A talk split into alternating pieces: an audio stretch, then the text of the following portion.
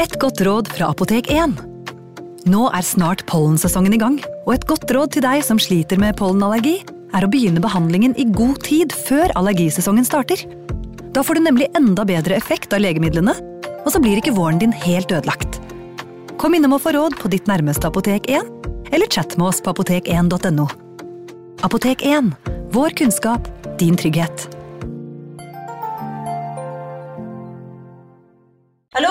Jeg kommer fra Oslo politikammer. Ine Jansen er purk. Er du purk? The motherfucking bitch. Alt jeg vil, er å finne ut hva som skjedde med mannen min. Jon Carew. Er jeg sikta for noe? Iben Akeli. Det er du. Ole So, Lars Berrum og Big Daddy Karsten. Hvem sin side er du på, egentlig? Anette Hoff, Tone Danielsen, Kommer du fra Afrika? Jørnis Josef, Nesten kløfta. Trond Espen Seim, Det er synd å si det, men det var feil mann som døde. Purk. Premiere tirsdag på TV2 Play. Hei! Takk for at du lytter til True Crime Podden dokumentar. Skulle du ønske at du kunne høre en ny episode av denne podkasten hver eneste uke? Vel, da er det bare å laste ned podkastappen Untold med en gang. I tillegg til ukentlige episoder av podkaster som Skrekkpodden, Synderne og True Crime Podden, får du masse annet reklamefritt og eksklusivt innhold. Last ned Untold i AppStore eller Google Play, og start din 30 dagers prøveperiode i dag. Thank you.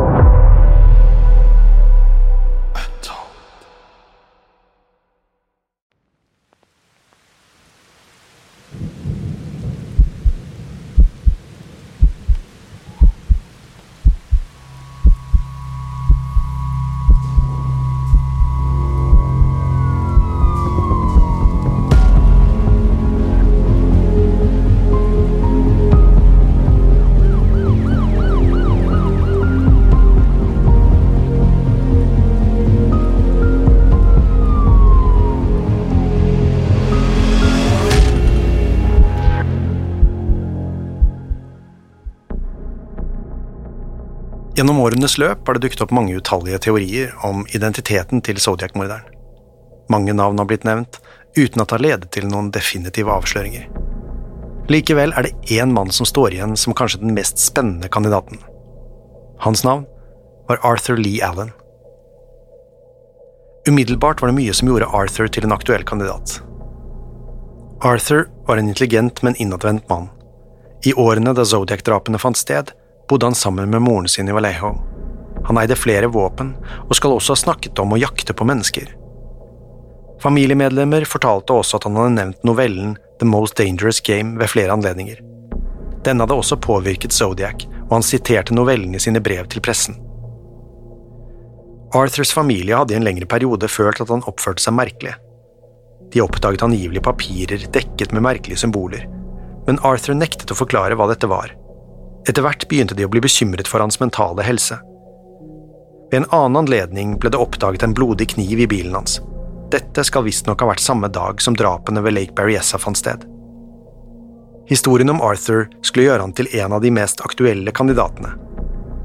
Men hva er egentlig sannheten om Arthur Lee Allen? Det var rundt 1971 at familien hadde begynt å frykte at Arthur kunne stå bak Zodiac-drapene. Deres bekymringer ledet dem til å kontakte etterforskeren i saken for å dele sin mistanke. De tok tipset seriøst og begynte snart å etterforske Arthur. Han viste seg umiddelbart som en lovende kandidat. De begynte med å besøke husvognen hvor Arthur nå bodde deler av tiden. Arthur var ikke hjemme, men døren sto ulåst, og politiet valgte å gjøre et søk på innsiden. De ble umiddelbart møtt av en sur lukt da de entret husvognen. Det var søppel, rot og papirer overalt. Bak sengen fant de en stor krukke med vaselin sammen med et utvalg dildoer i ulike størrelser. De fortsatte inn mot kjøkkenet hvor lukten var enda sterkere. Fryseren var full av ulike kroppsdeler fra dyr. Hjerter, levere så vel som hele mutilerte kropper. Kroppsdelene stammet primært fra små dyr og gnagere. Selv om dette ikke nødvendigvis var ulovlig, var det et forstyrrende syn som møtte etterforskerne. Det var likevel ikke fullstendig uberettiget. Arthur studerte nemlig biologi og hadde søkt om tillatelse fra staten for å kunne utføre eksperimenter på små dyr. Da Arthur endelig dukket opp, hadde etterforskeren en rekke spørsmål. Han kom kjørende i en møkkete gammel bil, full av bøker og klær. Han ble synlig overrasket da han oppdaget at det var noen i hjemmet hans. Dette var ikke første gang han hadde blitt avhørt i sammenheng med Zodiac-drapene. Allerede i 1969 måtte han svare på spørsmål knyttet til drapet på Brian Hartnell og Cecilia Shepherd.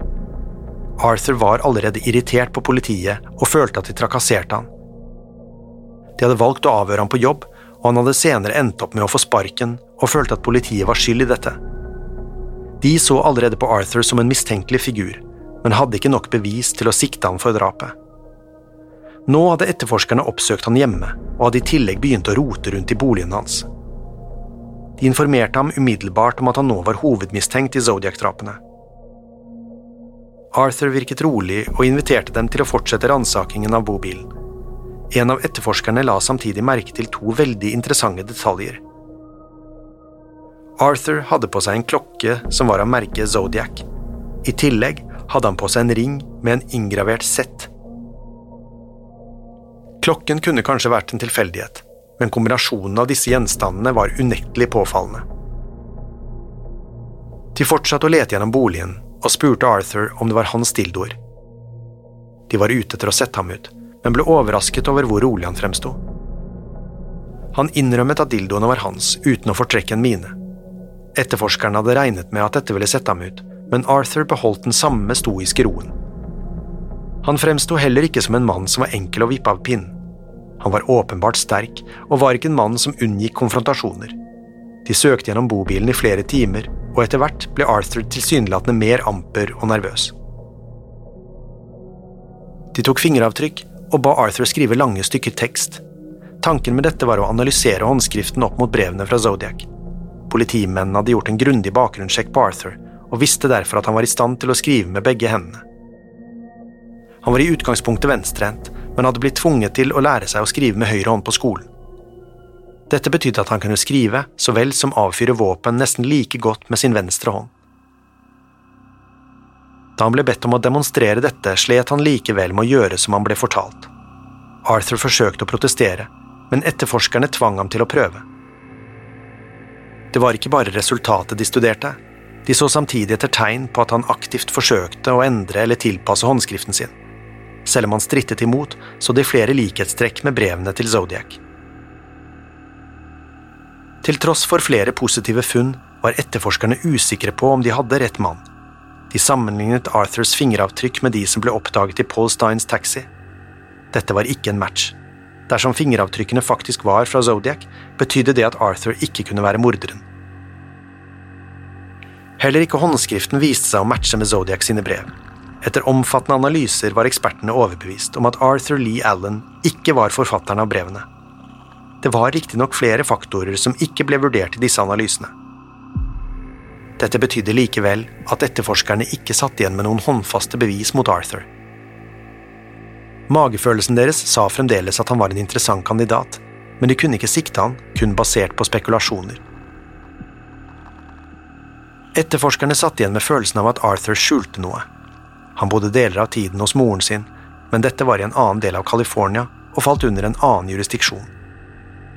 De kunne dermed ikke ransake denne boligen uten å gå gjennom en omfattende juridisk prosess. Dette ga Arthur et åpenbart fortrinn.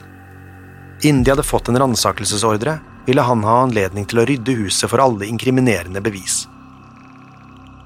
Kanskje hadde han utnyttet dette bevisst hele tiden.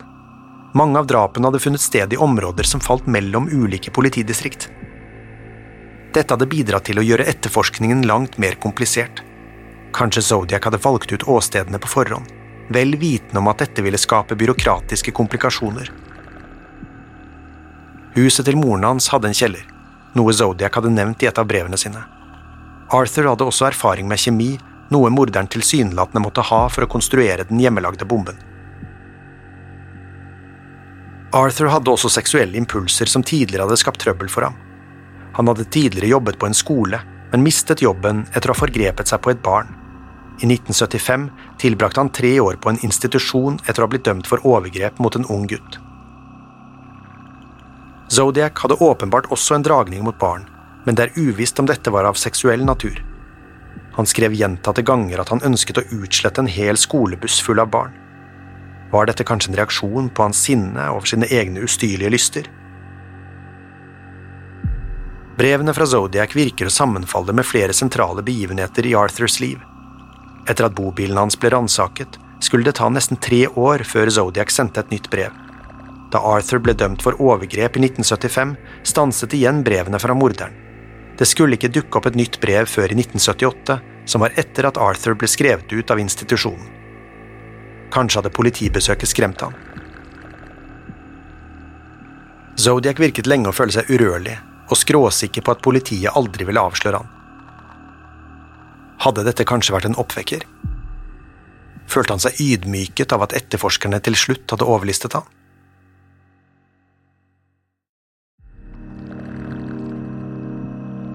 Robert Graysmith, som hadde jobbet som illustratør i The San Francisco Chronicle, var ikke klar til å la saken ligge død.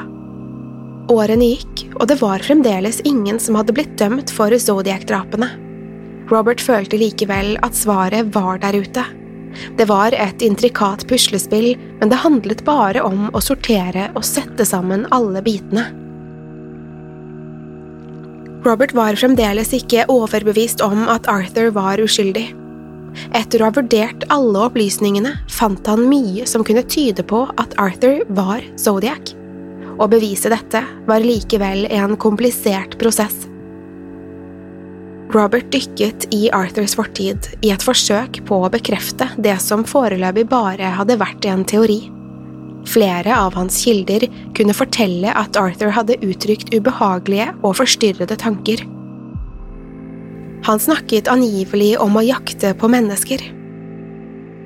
Dette ble ikke sagt i en spøkefull eller leken tone. Arthur skal ha vært fullstendig seriøs da han la ut om disse mørke tankene. Han ønsket å jakte på kveldstid og snakket om å feste en lommelykt til løpet på pistolen. Flere nevnte hans fascinasjon for novellen The Most Dangerous Game i samme åndedrag. Denne hadde også blitt trukket frem av Zodiac i hans aller første kryptogram. Zodiac skrev selv at dette kryptogrammet skulle skjule et hint om hans sanne identitet. Arthur hadde ingen annen motivasjon enn at han hadde lyst til å drepe mennesker. Ifølge en av Roberts kilder skal han også ha snakket om å skrive brev til politiet og pressen. Disse historiene ble riktignok fortalt flere år senere, lenge etter Zodiac hadde sluttet å drepe. Var det kanskje noen som ønsket å inkriminere Arthur i drapene? Robert var riktignok ingen politietterforsker. Å utlevere Arthur på denne måten ville uansett ikke lede til en siktelse. Flere skal likevel ha uttrykt sin bekymring for Arthur. Leger vurderte han som potensielt farlig, og at han kunne være i stand til å drepe. Denne trusselen ble underbygget av hans enorme fysiske styrke. Arthur var ikke spesielt høy, men han var storvokst og hadde en kraftig fysikk. Han ville ha få problemer med å overmanne de fleste i en fysisk konfrontasjon. Det var en rå styrke i han som han ved flere anledninger hadde tatt i bruk. Robert hadde lenge tenkt at Zodiac måtte ha militær bakgrunn, antageligvis fra marinen. Dette stemte med Arthur Lee Allen, som hadde vervet seg i marinen i 1957. Dette presenterte en kobling til støvlene brukt i drapet ved Lake Berryessa. Det kunne også forklare bruken av flere maritime symboler i kryptogrammene. Da Arthur ble undersøkt av psykiatere, var det flere som hevdet at han var en sosiopat som ikke var i stand til å føle empati eller skyldfølelse. Hans egen familie skal også ha vært redd for han og fryktet hva han var i stand til å gjøre. Zodiac, og dermed også Arthur Lee Allen, har blitt nevnt som en mulig gjerningsperson bak en rekke drap i Santa Rosa mellom 1970 og 1973. Ofrene var unge jenter og kvinner som ble funnet nakne i nærheten av innsjøer eller elvebredder. I løpet av disse årene ble minst seks personer funnet drept på denne måten. Arthur eide i denne perioden en husvogn som var parkert i området. Mange av ofrene var helt nede i 12–13-årsalderen, og Arthur ville i løpet av kort tid bli arrestert for seksuelle overgrep mot et barn. Det var riktignok en ung gutt Arthur ble dømt for å forgripe seg på. På noen av ofrene ble det funnet hår fra et jordekorn. Robert Graysmith så dette som en åpenbar kobling til Arthur. Han hadde i denne perioden eksperimentert på små dyr og gnagere som potensielt kunne forklare dette funnet. Det ble likevel aldri tatt ut en siktelse mot Arthur. I likhet med Zodiac-drapene forblir Santa Rosa-saken uløst til denne dag. Arthur lignet ikke nevneverdig på vitnebeskrivelsene av Zodiac. Håret hans var grålig og veldig tynt på toppen av hodet. Han brukte heller ikke briller, slik mange hadde beskrevet at morderen gjorde. Arthur var også eldre enn de fleste vitnebeskrivelsene antydet. Det skal riktignok nevnes at Zodiac selv hintet om at han brukte et slags kostyme. Flere har pekt på at Arthur med noen små justeringer kunne lignet på fantomskissene. Arthur Lee Allen døde av naturlige årsaker i 1992 og ble aldri siktet for Zodiac-drapene. Robert Graysmith ga likevel ikke opp sin kamp for å avsløre sannheten. Han utga sin andre bok om Zodiac i 2002 og hevdet denne gangen å kunne avsløre morderens identitet. Denne boken gikk langt i å bekrefte at Arthur Lee Allen var Zodiac. Michael Magoe skal blant annet ha identifisert Arthur som mannen som forsøkte å drepe ham. Denne identifiseringen fant riktignok sted 23 år senere. Mange har derfor stilt spørsmål ved validiteten av dette. Det var mørkt, og morderen lyste en lommelykt i ansiktet på Michael samtidig som han ble skutt. Mange følte at det ville være vanskelig for Michael å peke ut en person med 100% sikkerhet. Til tross for at Robert Graysmith var overbevist, var det ingen andre konkrete bevis som knyttet Arthur til noen av åstedene. Robert har også blitt anklaget for å endre på vitners utsagn så vel som datoer for å passe bedre til sitt narrativ. Det er utvilsomt grunn til å se på Arthur som en mistenkelig person, men ikke alle er like skråsikre på at han var Zodiac som Robert Graysmith. Disse opplysningene har i stor grad påvirket mye av informasjonen som eksisterer om Arthur Lee Allen. Robert jobbet åpenbart ut fra premisset om at han var skyldig, og har kanskje latt dette påvirke tolkningen av bevismaterialet. Flere har kritisert Roberts bøker for å ha en litt vel kreativ tilnærming til fakta. Påstandene om at Arthurs familie mistenkte han for å være morderen, blir presentert i begge Roberts bøker. Dette er opplysninger som muligens er overdrevne eller kanskje fullstendig fabrikkerte. Andre steder blir det hevdet at familien ble overrasket da Arthur plutselig ble dratt inn i saken. Ettersom bevismaterialet ikke lykkes å knytte Arthur til drapene, følte heller ikke familien hans at det var noen grunn til å fortsette å mistenke han. Det eksisterer en del uklarheter rundt Arthur Lee Allen. Robert Graysmith skriver at det var familien hans som først pekte på Arthur som en mistenkt. Det er uklart om dette faktisk skjedde, men det var uansett ikke slik Arthur opprinnelig ble dratt inn i saken.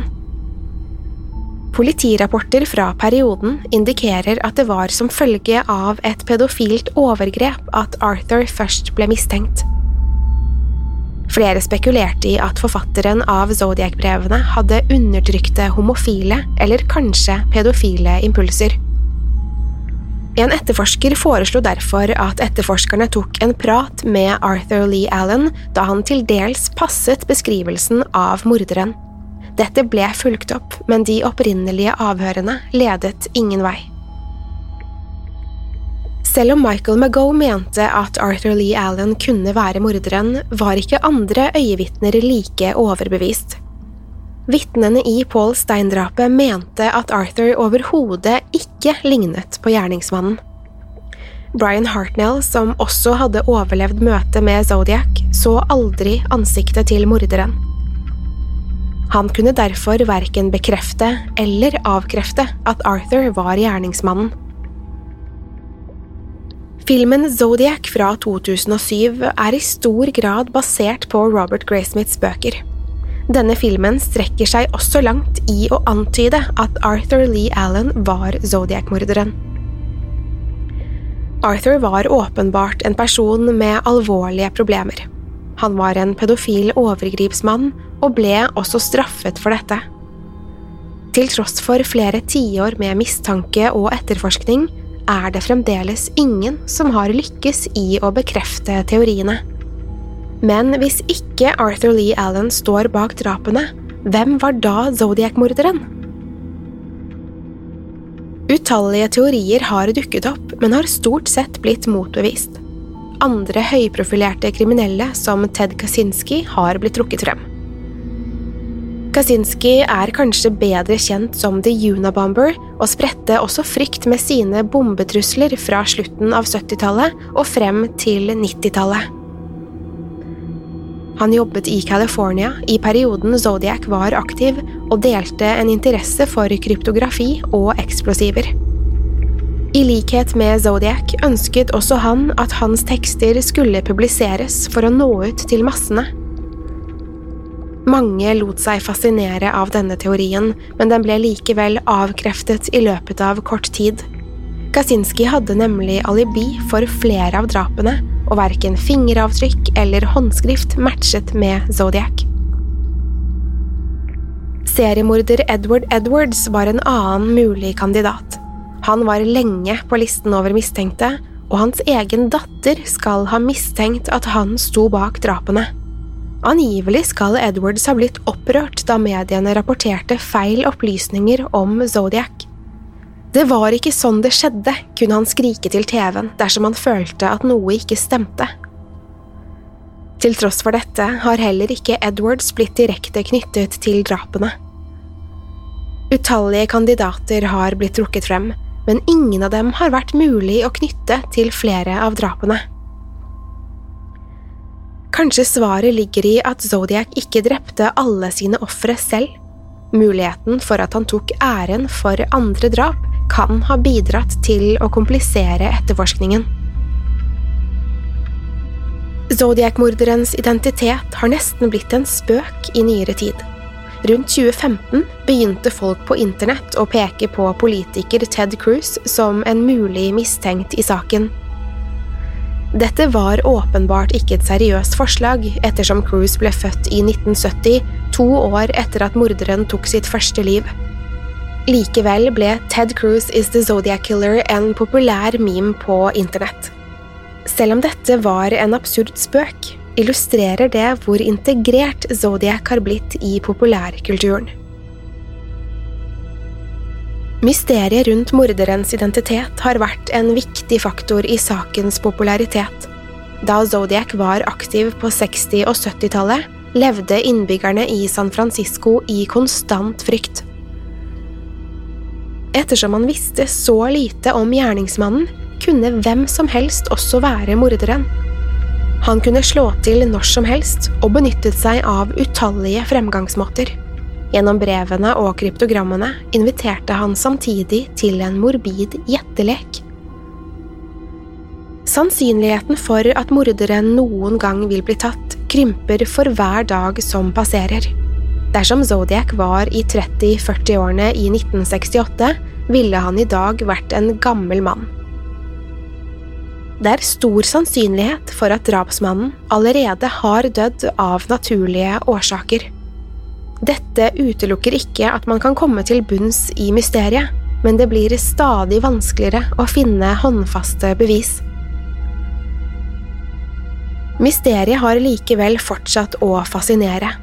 Spørsmålet rundt Zodiacs identitet blir fremdeles diskutert av utallige entusiaster, og kryptogrammene blir fremdeles analysert. Da det siste kryptogrammet ble løst i desember 2020, håpet mange at dette kunne gi en ny innsikt i saken. Skuffende nok var det lite ny informasjon å lene seg på. Men hvordan kan det egentlig ha seg at morderen har gått fri så lenge? Med fire bekreftede åsteder og flere vitner skulle man tro at svaret var der ute. I 2018 uttalte politiet i Vallejo at de fremdeles håper å løse saken. De så på Golden State Killer-saken som et oppløftende eksempel på en gammel drapssak som plutselig fikk et gjennombrudd. Joseph James D'Angelo ble avslørt flere tiår etter hans drapsrekke tok slutt, og dette ga etterforskerne håp om at Zodiac-mordene kunne få en tilsvarende avslutning. Politiet gjorde analyser av gammelt bevismateriale i håp om å avdekke nye DNA-spor. Teknologien har tatt store steg siden Zodiac var aktiv, og håpet at dette kunne lede til nye funn. Til tross for politiets optimisme har foreløpig ingen nye mistenkte dukket opp i saken.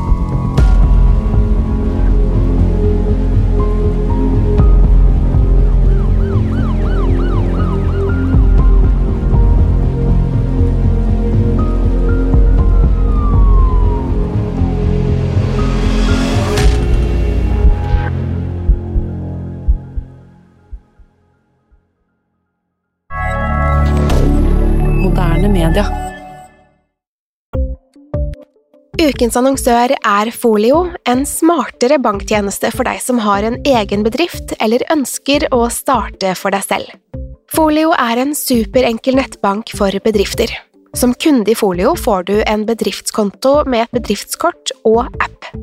I denne appen er det smarte løsninger som forenkler regnskapet ditt, uansett om du har en liten bedrift eller et enkeltpersonsforetak.